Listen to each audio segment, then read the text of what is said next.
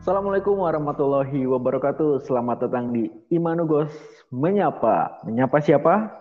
Kali ini saya Menyapa. kedatangan tamu. Halo, selamat. Halo. Selamat, Selamat apa nih? Selamat siang. selamat pagi. Selamat Selamat pagi ya. Semangat pagi dengan siapa saya bicara ini? Halo, perkenalkan saya dengan Sela Desiana Sari. Oke, tepuk tangan yang meriah. Kali ini saya menyapa Sela Desiana Sari. Wis. Halo Lele, apa kabar? Halo Bang Iman, Alhamdulillah baik. Gimana Bang Iman kabarnya? Alhamdulillah baik baik baik. Oke, jadi Sela ini eh, panggilan hangatnya itu Lele ya, Le ya. Iya, betul sekali. Oke, dari Sela Desi Sari kelihatan ya, Des. Des itu lahirnya bulan Agustus ya. Nah, itu Bang Iman emang pinternya tuh di situ, unik. Kamu lahir Desember, bintangnya apa? Capricorn bukan? Hmm, Oh, Sagittarius berarti Bang. awal awal Desember ya. Pertengahan. Ya, ya. Soalnya Yoi. saya akhir jadi Capricorn. Kalau Oh ya, iya, sama-sama bulan iya. Desember. Biasanya bulan Desember itu orang-orangnya pecinta seni. Iya, betul. Iya, Tapi saya nggak tahu punya seni apa nih bakatnya. seni makan. Setuju. Oke, Le. Eh, Sela Desiana Sari ini adalah kamu masih mahasiswa apa dulu sih, Le? Aku sebenarnya udah lulus, Bang. Kalau dibilang mahasiswa, aku udah bukan mahasiswa karena aku sudah melakukan wisuda. Oh, wisuda. Oh iya lupa ya, udah wisuda ya. Oke, selamat. Udah berarti saya pikir kamu masih mahasiswa gitu, soalnya looknya tuh masih mahasiswa ya. Aduh, pasti dong, biar kelihatan muda terus. Kamu pernah nanyain gak sih ke orang tua Sela itu artinya apa? Eh, nggak pernah, tapi aku emang suka nyari arti nama sendiri. Terus artinya apa? Nggak ada, Bang. Nggak ada artinya. Nggak ada. Ada juga kan sela. Oh, Sela itu kalau misalnya S-E-L-L itu nggak ada, nggak ada jadi di artinya. sela, di sela itu di kalau motor tuh starternya nggak jalan di sela Di gitu ya. sela, itu di sela, Oh di di sela itu. sela. Oh di sela-sela ya di antara berarti ya.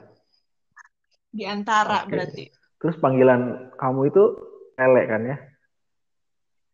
Iya, Dari Lele, kapan sih betul. dipanggil Lele?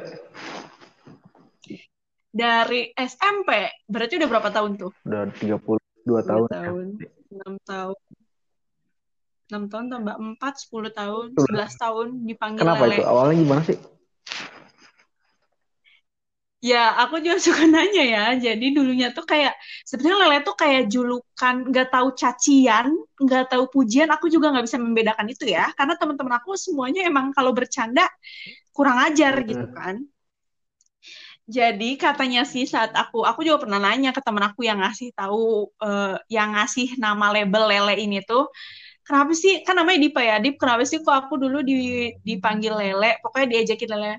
Katanya soalnya kamu itu orangnya nggak mau diem, Oke.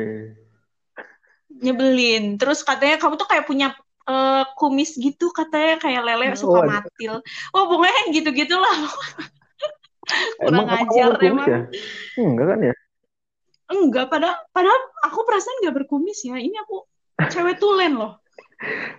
Aku kira Sela, Sela itu plesetan dari le, le, la, Sela Lele gitu. Ya bisa mungkin ya. Eh, plesetannya Sela Lele mungkin bisa juga. Itu tapi jadi Oh. Lela, Pak. Terus kalau kamu di rumah panggilnya apa? Panggilnya Oh, Neng. Neng ya. Tapi karena karena udah terbiasa Lele, jadi kan banyak teman-teman pada sering main ke Mhm. rumah kan. Jadi ya di rumah juga kadang-kadang namanya Lele gitu. Lele, ya gitu lah, nempel emang. Emang kamu anak keberapa? Anak anak keenam berarti. Soalnya keluarga aku tuh keluarga yang banyak personilnya ya. Jadi anak keenam. besar. Iya, anak keenam. Oh, ya dari enam. Anak keenam juga ya. Kamu masuk kuliah tahun berapa, Le? Tahun masuk Uniku itu tahun 2015, Jurusan? Bang. Jurusannya manajemen. Bang Iman 2015 jadi panitia enggak? Kan senior kalau Saya 2015. masih di BEM kayaknya 2015 ya. Apa udah lulus ya? Oh enggak enggak. Oh. Saya 2014 saya yang ospek. 2015 saya 2015 akhir itu eh, lagi ngurusin skripsi. Semester 9, semester 9 itu. Oh iya ya. Mhm. Semester 9 lulus. Berarti Iya berarti. Enggak enggak kita enggak ketemu ya? enggak, aku enggak kenal Bang Iman. Oh gitu. Padahal aku kenal, aku tahu kamu sih. Kita kena ketemu di kampus gak sih? Enggak ya? Enggak deh kayak Bang Iman. Aku belum pernah lihat muka Oh Bang gitu. Iman sebenarnya. Oke oke. Tapi aku tahu sih kamu ikut KSR, ikut organisasi kampus itu ada. Tahu. Kalau kan? Hmm, biasa mencari Iya kan? kesibukan. Masuk situ kan? Iya. Iya Oke. betul. Tapi nggak aktif lagi ya? Udah sekarang udah vakum lah karena kan yang pertama udah lulus juga terus fokus kalau misalnya kita udah lulus kan pasti udah beda tujuan Mm-mm. lagi harus punya tujuan yang lebih jangka panjang. Ya mikirin cuan lah maksudnya. Eh, dulu jurusan apa? Manajemen ya? Iya, jurusan Gimana kuliah manajemen. manajemen menurutmu? Kuliah manajemen asik banget. Apakah Santai eh, sih. lulus tepat waktu tapi kan? Lulus tepat Oke. waktu. Malahan kayaknya ya. Alhamdulillah. Kecepetan malahan kayaknya nih. Oke, Le. Kamu eh, di di manajemen itu apa sih yang didapetin selama kuliah? Selama kuliah lah ya, selama kuliah. Ya, aku sih, Apa yang didapetin? hmm, waktu kuliah, kuliah di manajemen di Uniku, banyak banget sih sebenarnya, nggak cuma tentang gimana kita memahami lebih dalam tentang manajemen ya, karena kan sebenarnya kita juga belajar eh, pelajaran umum lainnya, Mm-mm. Bang. Cuman emang saat kita udah naik tingkat, ada spesifikasinya lagi, nah itu baru masuk. Di sana tuh ada empat Mm-mm. jurusan. Penjurusannya lagi, dipisah-pisah lagi. Ada operasional, ada keuangan, ada SDM sama pemasaran. Nah, kira-kira coba aku ambil yang mana? Kayaknya kamu ke pemasaran deh. Ya benar. Jadi karena aku tuh orangnya males ngitung ya yang pertama. Cocok aku di manajemen tuh untungnya ngambil manajemen tuh yang pertama emang nggak nggak terlalu suka ngitung, terus lebih suka kayak apa ya? Ngeluarin banyaknya sih belajar tentang mengeluarkan pendapat dan opini gitu loh. Jadi kita kayak mm, belajar hal yang baru terus dalam pemasaran karena kalau misalnya dalam dunia pemasaran tuh nggak pernah ada matinya kan Hmm, hmm, hmm, pasti berubah-ubah terus kan hmm. ya. Jadi mengikuti perilaku orang-orang juga gitu, mengikuti perkembangan zaman. Hmm. Terus kamu masarin apa? Ya, Bla. Jadi dulu tuh, dulu jujur ya, aku tuh waktu dari dulu tuh udah sadar diri banget nggak bisa jualan nih, Bang Iman. Ini aku mau cerita sedikit ya. Aku sadar diri banget, soalnya dari waktu mulai SMP sampai SMA aku pernah jualin pulsa. Bangkrut. Teman-teman aku tuh suka ngut, suka ngutang ya, dan aku tuh orang yang paling males nagih hutang. Eh, Jadi ujung-ujungnya di saat akhirnya tuh aku tuh bangkrut gitu, gulung tikar. Dan berani-beraninya dong aku mau ngambil fakultas ekonomi, jurusan manajemen. Ada pas udah kayak gitu, eh, kan di sana juga bela- kita belajar kewirausahaan juga kan, kayak eh, menjual produk dan lain-lainnya. Di sana juga, nah akhirnya aku aku pernah jualan eh, karena tugas ya itu aku pernah jualan yang kalau sama grup teman-teman itu keripik singkong itu selamat ya karena kan sama Mm-mm. teman-teman gitu. Nah yang kedua kalinya itu sendiri-sendiri tugasnya aku tuh dapet kebagian tugas eh, bukan kebagian sih emang akunya sengaja sendiri jualan eh, cilok ciloknya tuh serba cilok gitu beda-beda cilok ada yang bumbu kacang ada Oh, yang bumbu goang dan lain-lain gitu-gitu dan bangkainya aku lagi, aku tuh kalau misalnya jualan hmm. Yang begitu-begitu tuh kayak suka nggak pede, nggak nggak enak gitu kan, ada rasa nggak enak, apalagi kalau sama teman. Akhirnya setelah presentasi uh, semua daganganku ya karena tem yang cuma membeli itu sahib-sahib aku aja. Hanya satu dua orang tiga orang. Sisanya teman-teman yang lain yang hanya teman-teman biasa ya seperti teman organisasi teman kelas yang biasa mereka meminta akhirnya aku bagikanlah semua ya dengan bangganya. Saat aku pulang ke rumah mamahku bertanya Nasa gimana? Jualan ciloknya laku nggak? Terus aku jawab laku kok mah. Ludes. Padahal duitnya nggak ada jadi aku tuh kadang-kadang hanya mengeluarkan bisa mengeluarkan ide-ide kayak gitunya doang gitu loh. Kalau dalam prakteknya emang ternyata hmm, kita harus berani gitu. Jadi kalau jualan jangan jangan gak enak lah namanya juga jualan gitu kan. Tapi ya rasa itu emang kadang-kadang masih ada aja tapi sih. tapi kita beda ya setelah jualan pas mahasiswa sama jualan setelah teman-teman kita pada lulus itu beda apa sama beda banget. Beda banget. Soalnya pas kita pas kita udah lulus kita jualan itu kayak jualan itu untuk diniatin gitu loh untuk diseriusin yang untuk menghidupi kehidupan kita. Kan kalau kita jualan yang nggak benar kayak kita nggak bisa hidup dong kalau begitu. Nggak bisa jajan gue. Nah sekarang kan kamu juga buka usaha kan ya? Banyak banget usahanya kalau nggak salah ya. Enggak sumpah cuma sedikit. Itu juga lagi vakum Ya, aku sih daripada diem sih bang. Angkringan. Uh, angkringan itu lagi vakum dulu karena kan lagi kayak gini ya. Terus sebetulnya angkringan juga itu tuh uh, konsepnya memang ide aku, dieksekusi awalnya sama aku, udah kayak gitu. Hmm? Lobet? Enggak, ini sisi. Hah? Tapi kamu lobet? Oh. oh. Enggak udah kayak gitu dieksekusinya sama aku itu tuh sebetulnya ada tuh karena mama aku tuh bete gitu di rumah.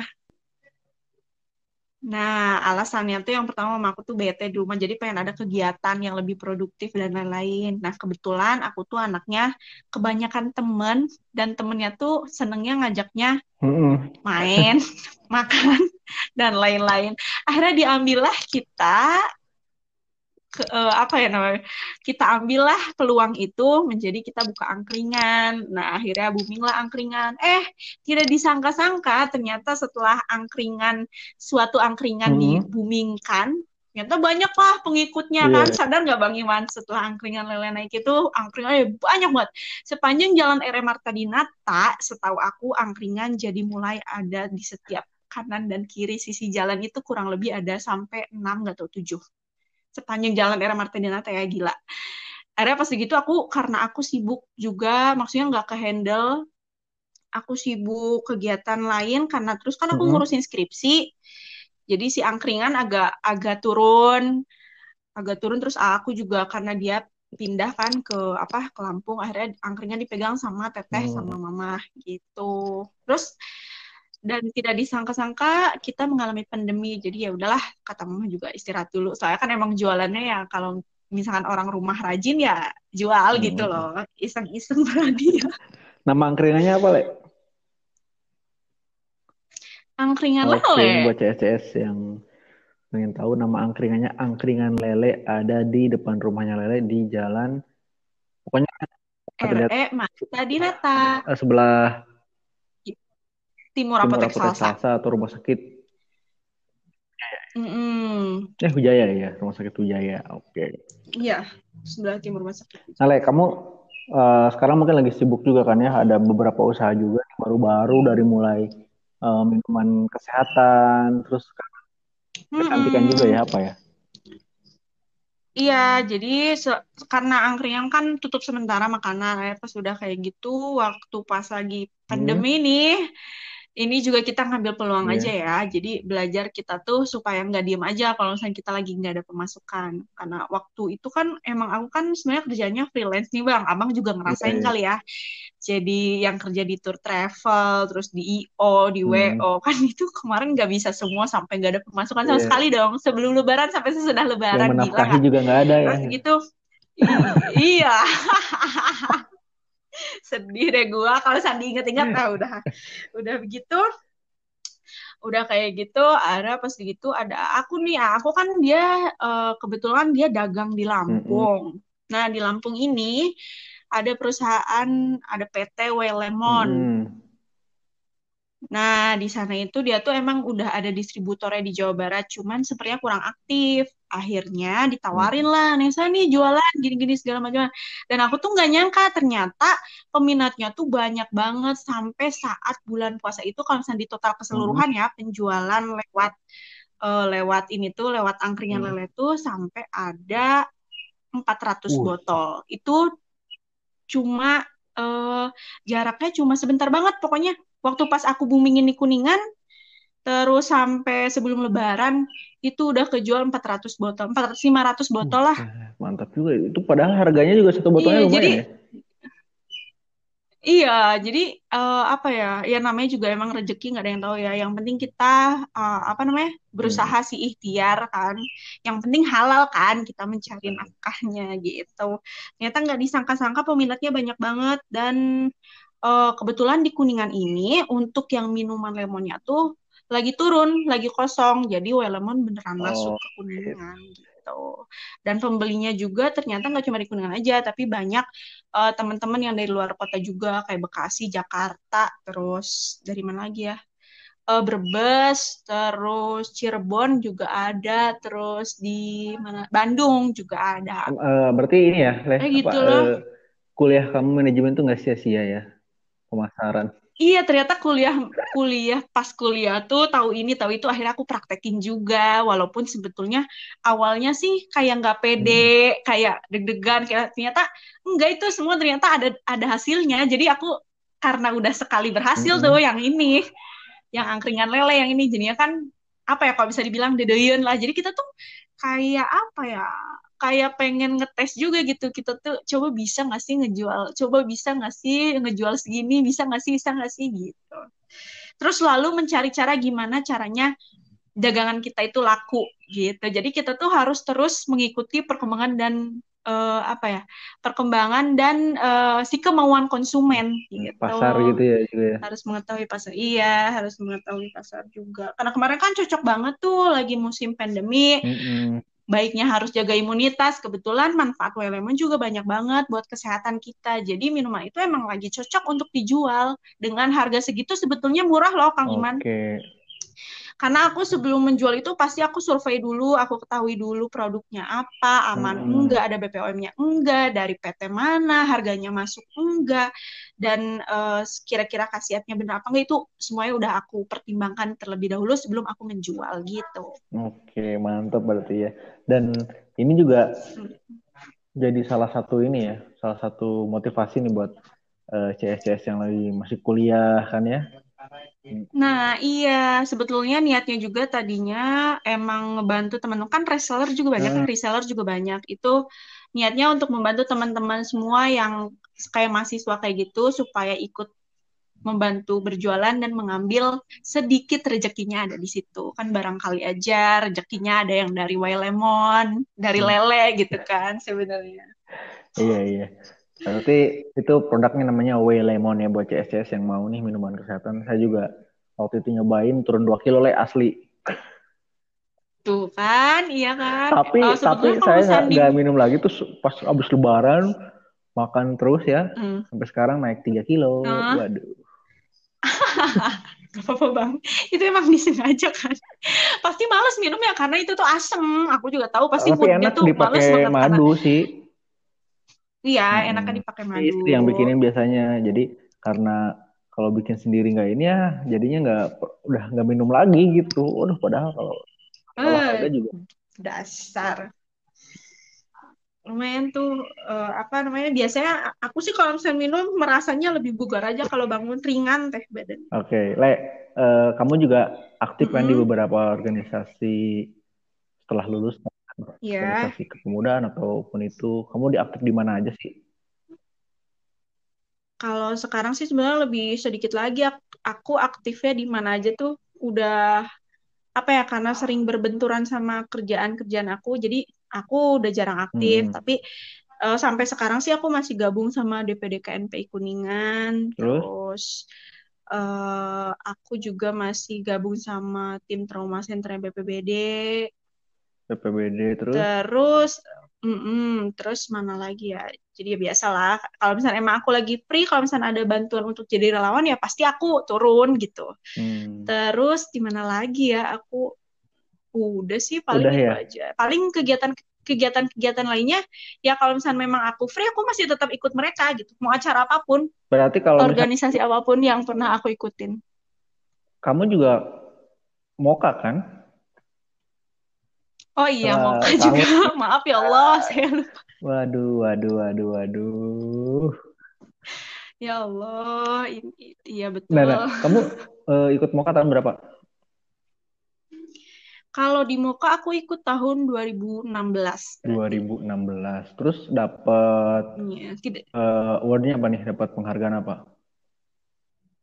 kebetulan alhamdulillahnya waktu dulu aku dapet juara harapan 3 plus sama Mojang Genre jadi sekaligus jadi duta genrenya Kabupaten Oke, Kuningan berarti double winner ya? Oke, Mm-mm. dapat harapan tiga. Eh, dapat Iya, betul. harapan tiga sama duta genre. Eh, pasangan kamu siapa dulu? Masih inget gak? Waktu dulu tuh pasangannya tuh sama siapa? Aku sama ini, sama Kang Robi kalau nggak salah. Hmm. Le, ada yang ini gak sih? Ada yang Sama didapetin gak sih dari ikutan organisasi kayak gitu? Aduh, banyak banget Bang Iman. Kalau misalnya mau diceritain, banyak banget yang bisa aku dapat dari belajar di organisasi ya. Eh, pokoknya dari dulu, eh, karena ada suatu hal ya, yang membuat aku, gimana caranya aku bisa betah dan banyak temen dan jadi sibuk dan bahagialah pokoknya kuliah di Hmm. Uniku. Udah kayak gitu, akhirnya aku ikut banyak banget Bang Iman itu sampai aku kadang-kadang merasa gila sendiri. Aku dulu tuh ikut KPM pernah ikut, terus eh, Hima ya HMM itu aku pernah ikut, terus ke KSR, terus di Moka pokoknya saat itu bergelut dalam satu waktu itu yang paling parahnya lagi aku menjabat di tiga organisasi kali ya. Pokoknya itu tuh sebenarnya bukan ke- keinginan aku tapi karena kayak Hmm. amanah ngerti gak sih? Padahal aku nggak minta loh, tapi itu udah di- jadi di situ aku belajar gimana caranya memanage waktu, terus aku jadi ngerti gimana caranya memanage event juga kan, karena kan pasti sebenarnya isinya Hmm. kegiatan-kegiatan terus kan. Kalau misalkan gimana terus eh, bisa ngedapetin banyak-banyak relasi, terus nambah ilmu juga, bisa kenal sama banyak orang lah intinya aku seneng banget ilmu apa pun bisa kita ambil sebetulnya kalau misalnya kita belajar di organisasi. Kalau misalnya kitanya bisa ngambil kebaikan-kebaikannya pasti eh, apa itu manfaat banget lah buat kehidupan kalian selanjutnya gitu. Nanti setelah nggak kuliah apalagi itu masih apa ya manfaatnya tuh masih ya? terasa Linknya gitu. ya. Mm-mm. Iya Hmm. relasi-relasinya terus Terus ini Le, kalau terus ilmu-ilmu kalau dari ini Le, kalau apa namanya? eh, kamu kan eh, sekarang udah punya kerjaan istilahnya ya. Iya nggak sih? Oh iya, gitu Eh, berarti sebagai freelance eh, di WO kan ya? Mm-mm, di Hmm, WO, terus tour leader juga ya kan? Oke gitu. ya. Eh, enak gak sih sebenarnya kerjaan kayak gitu tuh? Mm-mm. Jujur ya, jadi sebetulnya menurut aku nggak tahu karena emang jiwa-jiwa aku tuh jiwa-jiwa orang yang ingin kebebasan. Jadi apa Sesuka ya? hati. Ya udah gitu. Iya, pengennya yang sesuka Hmm. hati gitu loh, Bang Iman. Jadi kalau misalnya aku mau kerja ya aku kerja. Kalau misalnya aku nggak mau kerja ya aku nggak Hmm. mau gitu. Dan aku tuh pengen yang happy-happy aja. Terus yang apa ya, yang kerjaannya tuh nggak membosankan gitu loh, Bang Iman. ya? Iya, yang kayak kayak apa ya? Kan kita kadang kalau misalkan kita ngadain event itu sebenarnya kan kita juga merasakan apa ya? Rasa Eh, eh, suatu acara, rasanya suatu acara tuh jadi ikut senangnya itu ya. senang, ikut happy. Terus suasana selalu baru, banyak orang kenal baru gitu. Jadi senengnya tuh yang begitu-begitu dan aku teh makanya sampai sekarang masih freelance karena mungkin aku masih nyaman di situ. Tapi insya Allah sih rencana ke depannya aku lagi eh, mengusahakan mencari pekerjaan dulu lah yang tetap karena ya biasalah mau fokus dulu Oke. menabung untuk masa Nah, depan. kamu masih Mm-mm. single kan, Le? Belum ada yang punya?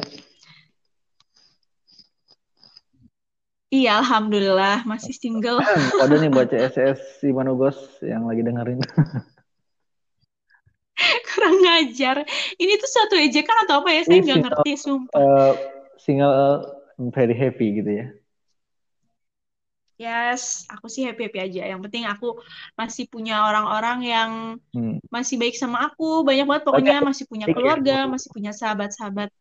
Ada yang nggak baik Ya, sama kamu berarti ya? Ya pasti kalau misalkan oh, Bang Iman orang itu yang mau sebaik apa pun pasti ada aja orang yang gak suka sama dia gitu. Oke, Le. Ini ada pertanyaan cepat yang harus dijawab. Oke, Oke. siap-siap. Apa singkatan dari Batagor? Bakso tahu digoreng. Apa singkatan dari Hucap? Tahu kecap. Bener kagak sih? Gue nggak tahu. Oke. Apa singkatan dari PSBB? Pembatasan skala. Hah? Iya, pembatasan skala besar. Iya kan? Ih, ah Bang gue lupa kan jadinya berskala besar. Alhamdulillah pembatasan. PS, Iya kan? P-nya. Oh, pembatasan sosi- Uh-uh. sosial ya. Berskala Oke, besar. good. Eh, untung aja gue. Ah, gila. Malu-malu ini. Kamu kan ini COVID juga kan ya, tim. Oke. Eh, kepanjangan dari Densus. Densus. Tahu kan yang suka nangkapin teroris? Densus ya. Densus. Oke, Densus Nah. 88 yang aku tahu, tapi singkatannya tuh Oke. penden apa nggak tahu. Pas-pas. Oh my god malu-maluin nih Apa sumpah singkat nggak bilang-bilang lagi mau nanya-nanya kayak gini. Apa singkatan dari VIP? VIP ah wah. Abang Iman gue buat bete deh. Lupa singkatannya Kamu pasti ada acara nih, pasti ada tamu untuk VIP, VVIP. Iya serius tapi aku tuh lupa singkatannya apa Browsing aja ya. padahal aku suka ngurusinnya VIP loh sumpah Oke, Eh, Le. Eh, tiga inilah, tiga objek wisata versi Lele di Kabupaten Kuningan. Kamu kan juga salah satu duta wisata Kabupaten Kuningan juga ya? Hmm, yang apa yang wajib dicoba Enggak, yang atau versi kamu, yang paling kamu sukai tiga objek wisata di Kuningan apa? Oke, tiga objek wisata yang pertama Talaga Surian. Itu yang dari Palutungan ke Oke, atas kan? ya. Nah, itu aku sekarang suka tuh waktu itu ke sono. Terus Kenapa, kenapa? Kenapa? eh ya di sana belum terlalu terjamah aja, jadi lebih masih Terus, asri. yang kedua? Terus masih bersih, masih terkontrol. Yang kedua, aku suka desa wisata Cibuntu. Itu luar biasa banget. Oke, bisa bisa jadi buntu ya. Itu the best banget itu. Hmm. Terus, yang ketiga? Yang ketiga, yang ketiganya aku pilih Dharma aja karena Waduk Dharma. Iya, Waduk Dharma. Jadi filmnya menarik banget. Udah gitu kan sekarang lagi dipercantik lagi. Pokoknya cocok lah. Suka. Oke, Waduk Dharma. Nih, eh Lele. Ya? Le, Hmm? gak kerasa nih kita udah 30 menit. Gila, nggak kerasa banget Bang Iman. Sumpah nggak bohong. Apa karena kita terlalu banyak basa-basi dan bacot ya? Oke, tapi ada PR buat kamu untuk tadi apa yang aku kasih singkatannya kamu harus Ya, tahu. nanti aku searching ya Densus dan VIP, oke? Ini memalukan tapi ya udah nggak apa-apa.